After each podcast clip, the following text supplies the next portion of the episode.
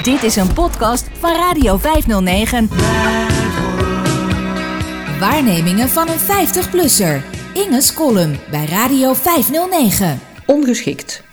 Paco is mijn derde geleidehond. Ik heb hem deze maand drie jaar. Ik ben blij met hem. Paco is een bijzonder braaf dier. Dat kan ik zeggen omdat ik voor hem twee veel minder brave geleidehonden had, Bowie en Ben. Bowie was een eigenwijze, gemakzuchtige werkhond en Ben was een geweldige werkhond die buiten het tuig veel problemen gaf.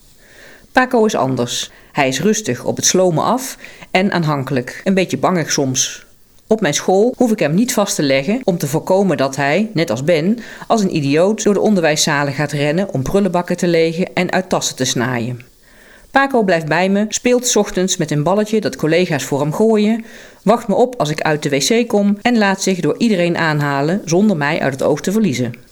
In het bos gaat hij nooit ver weg. Schapen en andere dieren interesseren hem niet. Andere honden valt hij niet lastig met dominant geblaf. Hij houdt niet van modder, zoals Bowie, en zwemt niet, dus maakt zich zelden vies. Als geleidehond is hij niet bijzonder begaafd, zoals Ben, maar ook niet zo gemakzuchtig als Bowie. Hij is graag bij me en ik denk dat hij het daarom leuk vindt om voor me te werken. Erg vlot is hij niet, maar daar ben ik aan gewend geraakt.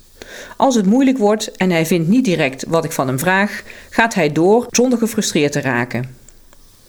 Wel is er de laatste tijd iets veranderd tussen Paco en mij. Zijn onschuld is hij kwijt.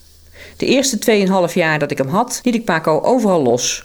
Ook in het Singelpark op weg naar mijn school. Dat is een strook groen tussen het water van de Singel en de binnenstad van Utrecht. Er lopen veel honden los. Ik merkte wel dat Paco langer weg begon te blijven en niet meer altijd direct kwam als ik hem riep. Vervelend vond ik dat, maar ik was blij dat hij altijd weer opdook en nooit ver weg leek te gaan. Op een dag, ongeveer een half jaar geleden, meldde zich een onbekende, verontwaardigde man in mijn werkkamer op school. Hij zei dat hij een buurman was en dat mijn hond zijn vuilniszakken kapot maakte. Hij kon er foto's van laten zien. Dat hoefde niet. Ik begreep zo ook wel wat hij bedoelde. Op de stoep van de straat die langs het park loopt, staan twee dagen in de week vuilniszakken opgestapeld.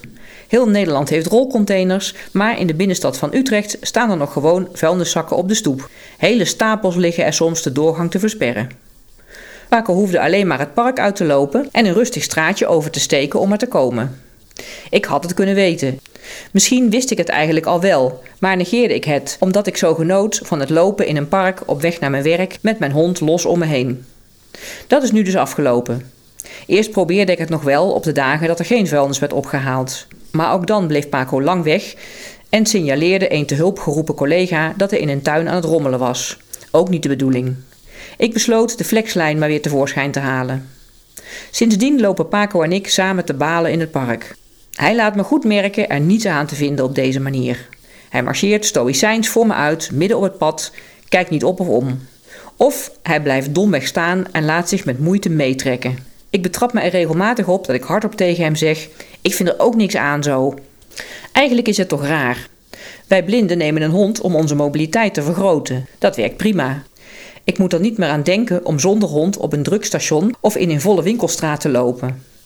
Maar onze handicap maakt ons tegelijkertijd enorm ongeschikt voor het hebben van diezelfde hond.